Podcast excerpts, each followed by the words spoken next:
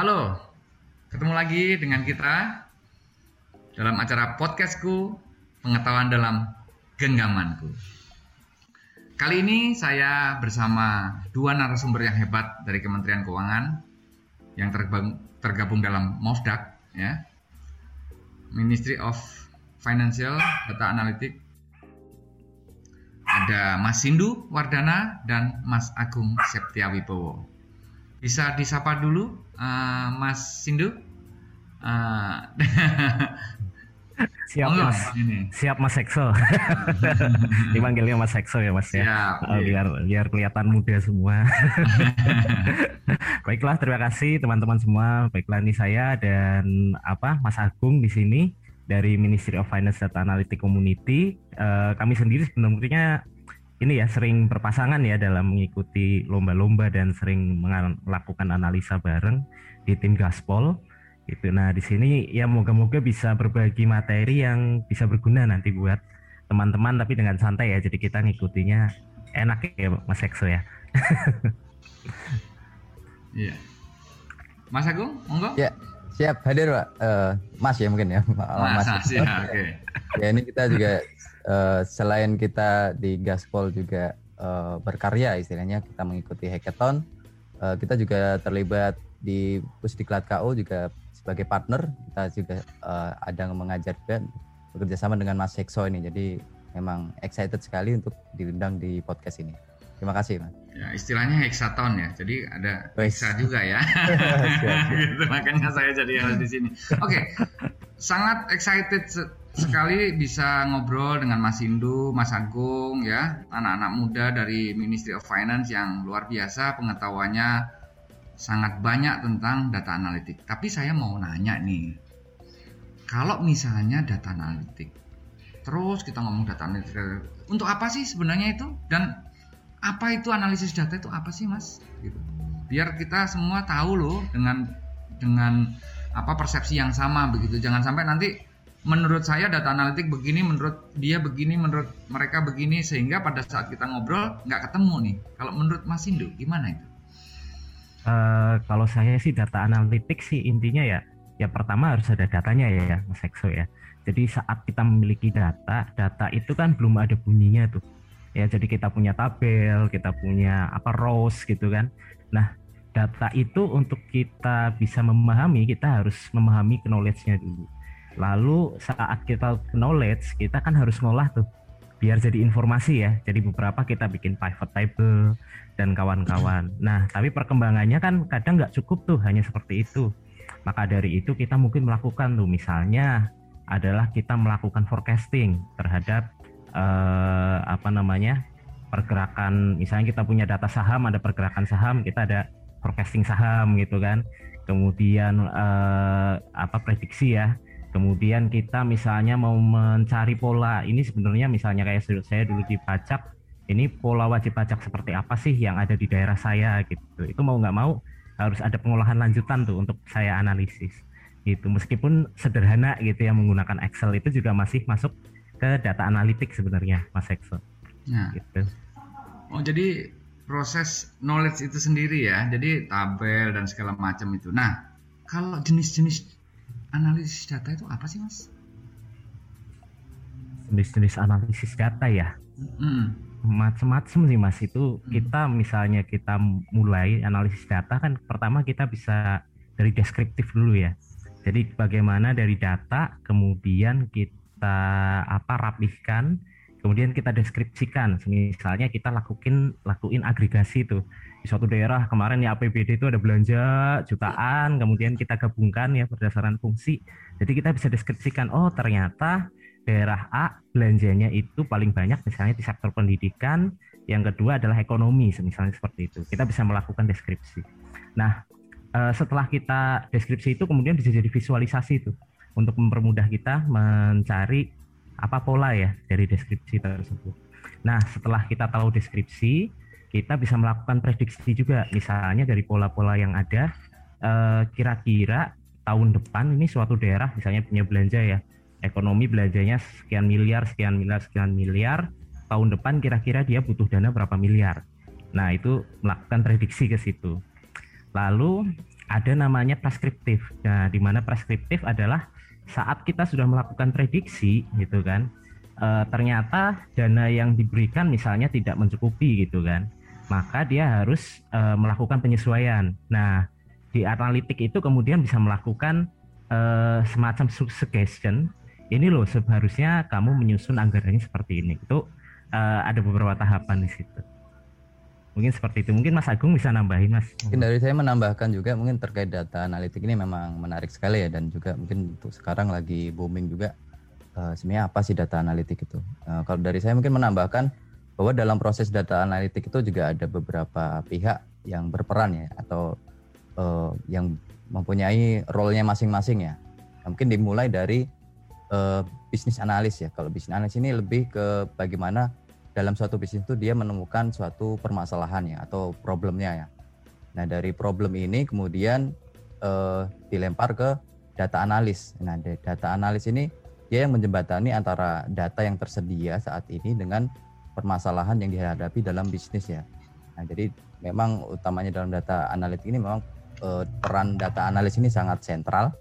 Eh, jadi dia dari permasalahan yang ada itu eh, menggunakan data yang tersedia itu menggunakan metode yang sudah disebutkan Mas Sindu juga tadi, bisa itu uh, sebagai descriptive analytic ataupun uh, predictive analytic maupun prescriptive analytic. Jadi uh, dari permasalahan yang disampaikan mungkin dari bisnis analisnya, uh, data analis inilah yang akan menyediakan solusi lah istilahnya. Jadi dari data yang tersedia bisa dihasilkan solusi dengan metode antara lain tadi ada deskriptif, ada preskriptif, ataupun yang prediktif analitik tadi seperti itu. Ya, luar biasa. Jelas sekali bahwa jadi kalau bisa saya tarik kesimpulan dari Mas Sindu tadi berbicara tentang suggestion, kemudian Mas Agung berbicara tentang solution. Jadi ada suggestionnya dan solutionnya. Ini luar biasa dari dinarasikan, digambarkan gitu ya, kemudian diprediksikan dan dipreskriptifkan, sehingga kita mempunyai alternatif suggestion sehingga ditarik solusinya supaya tidak meleset gitu ya. Tapi tentunya ada dong ya kesalahan-kesalahan pemula dalam menganalisis data ini. Kira-kira apa ya? Tapi sebelum sebelum ke kesalahan analisis ini, kita apa sih yang perlu diperhatikan selain bisnis analis sendiri, data analis sendiri? Itu tadi juga Anda nggak yang perlu di, diperhatikan dalam menganalisis ini? apa ya kalau kalau saya sendiri sih uh, Mas Ekso jadi um, domain knowledge ya Mas saat kita melakukan analisa bisnis itu menurut saya sangat penting Mas. Jadi kadang-kadang saat kita melakukan analisis tapi domain knowledge kita kurang itu juga analisis bisnisnya kemudian kurang tepat ya. Nah saat analisis bisnis ini kurang tepat kita masukkan ke data analis. Mau sebagus apa pun data analis lakukan atau data scientist lakukan itu pasti uh, kurang baik. Karena tadi domain knowledge pastinya uh, makanya kalau saya selalu saran saat seseorang saat akan melakukan analisis data itu harus pelajari benar apa yang dianalisis, apa yang dibutuhkan user, apa yang dibutuhkan suatu organisasi saat melakukan analisis. Nah, itu tujuannya apa? Tujuannya agar jangan sampai kita bikin suatu analisis kelihatannya keren, bagus gitu ya, visualisasinya wow gitu kan. Tapi ternyata nggak kepake tuh sama user. Nah itu sering terjadi yang seperti itu. Akhirnya apa hanya jadi project jadi aja, tapi nggak benar-benar kepake. Nah itu kalau menurut saya sangat penting itu. Jadi memahami domain knowledge dan memahami user ini itu sendiri dari data analisis yang akan kita iya. lakukan.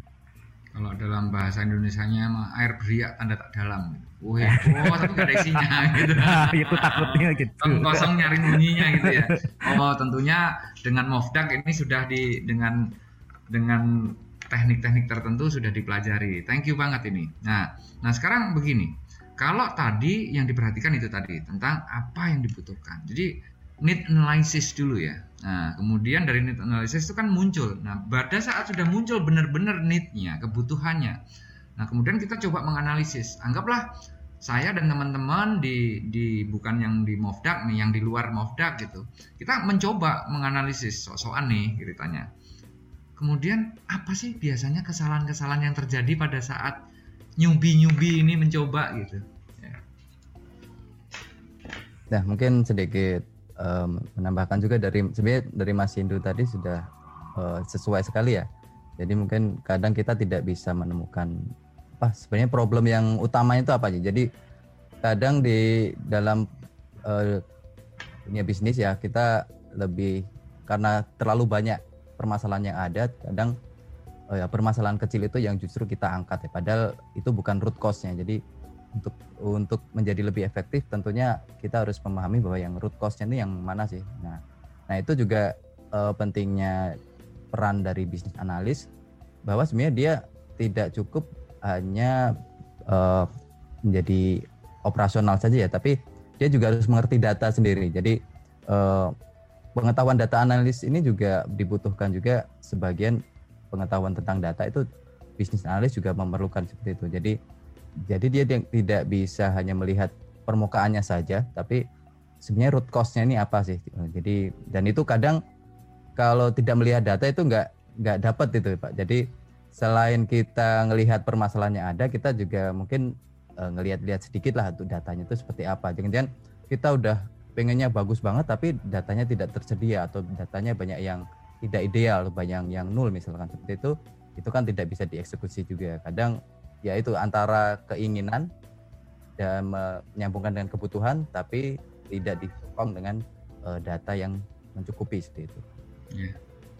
Ya, jadi apa namanya seringnya kita pengen mencoba sesuatu tetapi kita tidak punya uh, source-nya sehingga nanti kurang ya jadi intinya adalah kita tahu root cause-nya ya pakai metode apakah pakai metode Fishbone atau pakai metode apa pun berarti itu bisa dipakai juga ya Mas ya setelah yeah. kita tahu root cause-nya kemudian kita kumpulkan datanya, baru analisa tadi bisa dijalankan. Jadi gitu ya, tanpa tahu root cause-nya, terus tahu-tahu main data analitik aja jebret jebret jebret, hasilnya kayak tadi. Keren gambar tapi apa itu? I don't know. Nggak ngerti aku kan repot ya gitu ya. Yang paling okay. parah lagi gini Mas Hexo, yeah. kita udah bikin bagus-bagus, ternyata udah dibuat orang lain dan udah dipakai Nah itu juga kadang-kadang kita lupa lakuin tuh. Kadang-kadang kita ngerasa wah ini bagus nih kita lakuin. Maka penting juga kita cari tahu apakah ini sudah pernah dikerjakan atau belum sebelumnya. Kalau misalnya sudah, berarti yang bisa kita lakukan adalah melakukan improve atas sistem yang sudah ada, misalnya gitu. Uh, uh, tapi kan misalnya kita membuat lagi dari awal kan sayang juga ya. Kecuali sistem yang sudah ada masih kurang tadi gitu. Dan masalah root cause itu benar juga. Kadang-kadang saat kita sudah apa memulai bikin gitu ya lihat data mulai bikin eh ternyata kita lihat berita oh ini permasalahannya sudah dipecahkan gitu kan lah berarti kita percuma dibikinnya kan akhirnya harus cari ide lagi ide lagi nah itu uh, pengalamannya seperti itu nah itu bang seperti itu sih. Jadi selain kita bisa menemukan masalahnya juga kita harus tahu kondisi SIS-nya lah ya kondisi saat ini. Uh, atas permasalahan ini itu sudah dilakukan apa sih? Jadi jangan sampai kita melakukan yang sudah dilakukan yang ternyata mungkin nggak efektif. Atau uh, kalau kita sudah tahu ini juga ternyata sudah diketahui permasalahannya dan sudah ada usaha untuk uh, mengatasi masalah ini apa yang tidak efektifnya di mana itu bisa kita tingkatkan. Jadi uh, perlu pemahaman untuk uh, kondisi yang berjalan juga jadi selain uh, mencari root cause-nya tadi. Iya. Jadi kalau untuk mencari root cause ini berarti peran bisnis analis besar sekali ya kan gitu. Nah, kalau kita sering kesalahan itu adalah tahu-tahu data itu diolah aja, bisnis analisnya belum mulai, data analisnya begitu menemukan suatu uh, apa namanya fenomena, oh ini ini langsung disimpulkan seperti itu. Nah itu ya biasanya nyubi-nyubi gitu ya. Nah itu pernah saya lakukan juga dengan beberapa teman di di kantor itu kita excited nih nemukan, tapi apa benar ini masalahnya. Begitu kita coba lagi, kita gali, oh ternyata bukan. Kita coba lagi, analisisnya juga hasil hasilnya berubah lagi kan gitu ya. Baik pakai data unstructured waktu itu maupun data structured. Oke, tapi ngomong-ngomong masalah uh, apa namanya prediktif, ngomong masalah root cause, ngomong masalah kondisi saat ini keren banget banyak yang akan kita kita bahas, tetapi kembali ke masalah dasar data analitik. Jadi sesi ini kita akan berbicara tentang dasar data analitik. Nah, pertama, terakhir, mohon maaf, terakhir, mengapa analisis data itu penting? Nah, ini pertanyaan simple, tapi kayaknya asik nih jawabnya ini. Monggo, silakan. Mungkin Mas Agung mau jawab duluan, enggak Mas? mohon maaf nih kameranya agak berubah. uh,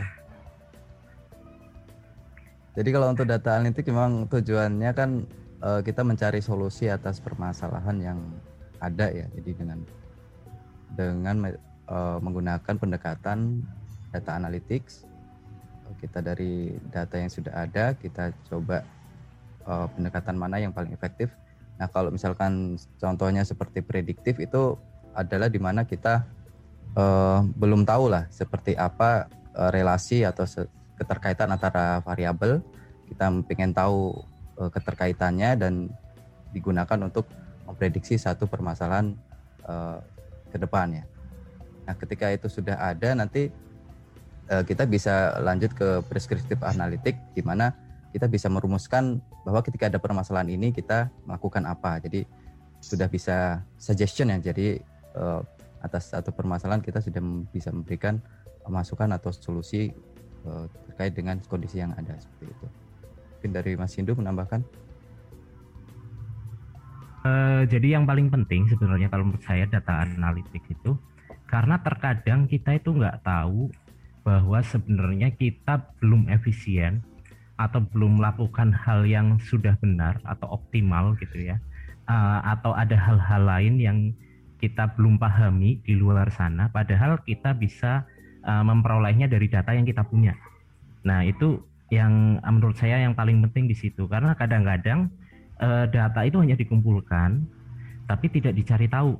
Misalnya adalah kalau kemarin karena pengalaman yang paling dekat kan masalah APBD itu ya lomba data, data APBD nah itu permasalahannya adalah uh, kita punya data semua Pemda gitu kan tetapi kok dalam perumusan apa belanja itu masih ada belum belum ada patokan yang jelas tuh dan tidak ada outcome-nya istilahnya seperti itu kan. Itu kan hal suatu hal yang sebenarnya loh kok belum kepikiran ya. Nah, di situ uh, fungsi data analitik adalah untuk uh, melihat patternnya itu, melihat pattern, kemudian kita juga bisa melakukan prediksi itu ya atas atas outcome belanja dan kawan-kawan, kemudian kita bisa melakukan prescription di situ. Nah, uh, jadi kalau semisalnya saat ini memang kenapa kadang orang belum menganggap penting?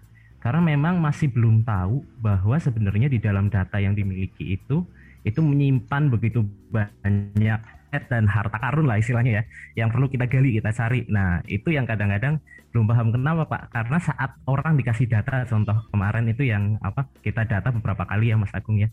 Data BPJS kita dapat 9 juta raw. Data uh, itu dapat 6,7 juta raw gitu kan. Dan tabelnya kalau yang BPJS bisa berapa ratus itu ya mas ya. Jadi tabel ke kanan berapa ratus ke bawah 9 juta gitu ya.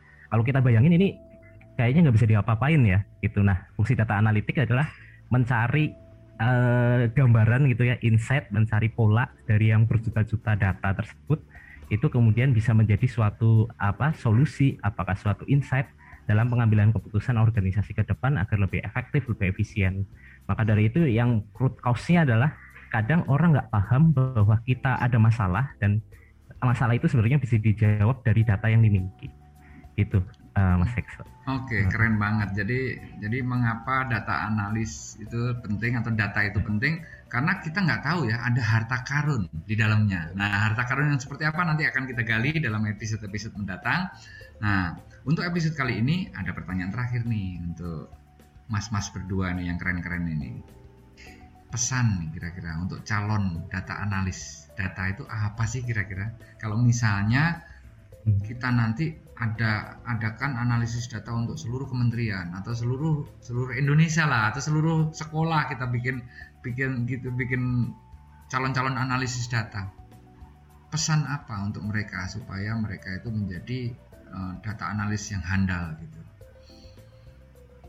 Hmm.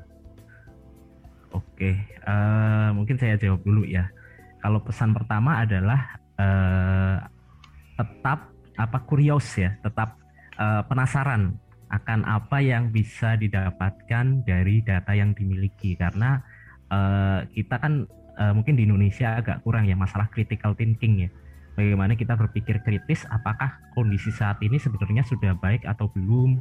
kemudian uh, apakah uh, data yang kita miliki kemudian bisa memberikan dampak yang baik atau enggak. Nah, kalau saran saya tetap penasaran dengan hal itu, kemudian mempelajari untuk bagaimana mengolah data meskipun dari sederhana gitu ya. Nanti pelan-pelan uh, belajar terus. Kenapa? Karena sampai saat ini pun saya merasa ilmu saya masih sangat kurang banget ya. Begitu saya pelajari lagi ternyata di luar sana jauh lebih banyak. Tapi meskipun sudah begitu banyak, konsepnya gini, analisa sederhana yang bisa memecahkan masalah itu jauh lebih baik daripada analisa yang rumit. Nah, ini aja mungkin yang buat encourage. Jadi, analisa yang sederhana pun apabila itu memecahkan masalah, itu akan jauh lebih berguna. Nah, itu sih harapannya ke depan. Jadi, mulai dari yang simple, mulai dari yang sederhana, tapi di situ bisa menjawab permasalahan. Gitu. Jadi nggak harus mulai yang kompleks-kompleks pakai machine learning lah, NLP lah dan kawan-kawan. Itu nanti bisa dipelajari. Tapi yang sederhana apabila memecahkan masalah, saya rasa itu jauh lebih bagus. Itu aja sih mungkin. Mungkin Mas Agung ada tambahan. Iya, kembali ke tadi apakah itu data ya? Menurut saya sendiri data itu kan sebenarnya gambaran dari kondisi yang terjadi ya. Jadi eh, bisa dibilang juga record ya. Ketika ada sesuatu itu di record atau dicatat. Dan dari catatan itu dari data tadi itu bisa dihasilkan suatu informasi ya. Jadi kalau data itu masih di, bisa dibilang mentah ya, masih belum bisa memberikan insight apa-apa Nah, itu ketika sudah diolah menjadi informasi itu bisa membantu kita dalam menghadapi uh, berbagai permasalahan ya. Jadi kita bisa belajar dari apa yang sudah ada atau yang sudah menjadi data tadi untuk bisa lebih baik lagi di, di masa depan ya. Jadi memang benar seperti Mas kata Mas Indu, ini butuh orang yang kurius ya. Ketika ada permasalahan dia tidak menyerah tapi harus uh, tetap semangat mencari solusi. Nah ini juga yang pengalaman kita uh, selama mengikuti hackathon dan juga kita belajar data analitik ini memang pasti akan menghadapi masalah nanti. Tapi dengan kemauan yang kuat, dengan curiosity yang tinggi itu semua itu sebenarnya sudah bisa kita uh, sudah ada solusinya lah. Kita bisa menemukan solusi itu. Jadi banyak sekali tools dan juga uh, tutorial misalkan. Jadi sebenarnya lebih ke kemauan kita untuk belajar ya. Jadi jadi jangan sampai takut uh, terjun ke data analitik ini karena uh, di sini sebenarnya pembelajarannya bukan hanya terkait dengan pekerjaan kita tapi bisa jadi ini berlaku juga untuk uh, kehidupan kita sehari-hari ya. Jadi untuk problem solving yang kelanjutan lah bisa dibilang seperti itu. Iya. Luar biasa. Tak terasa waktu bergulir begitu cepat. Kuncinya adalah solve the problem. Nah, itu tadi ya. pesan untuk calon analis data, teman-teman sekalian yang nanti akan belajar data analitik, bisnis analitik adalah solve the problem. Ada problemnya, ada analisanya dengan analisa yang empat tadi, kemudian setelah dianalisa, kemudian kita lakukan apa suggestion, kemudian solution, dan ujungnya adalah solve the problem. Meskipun ya. itu sederhana, tetapi solve the problem. Oke, keren banget. Terima kasih infonya untuk sobat podcastku yang berada di mana saja, kapan saja, ya, siapa saja, ya. Ingat, solve the problem. Terus ikuti seri data analitik yang akan terus kita rilis sampai jumpa di seri berikutnya dalam acara podcastku Pengetahuan dalam Genggaman.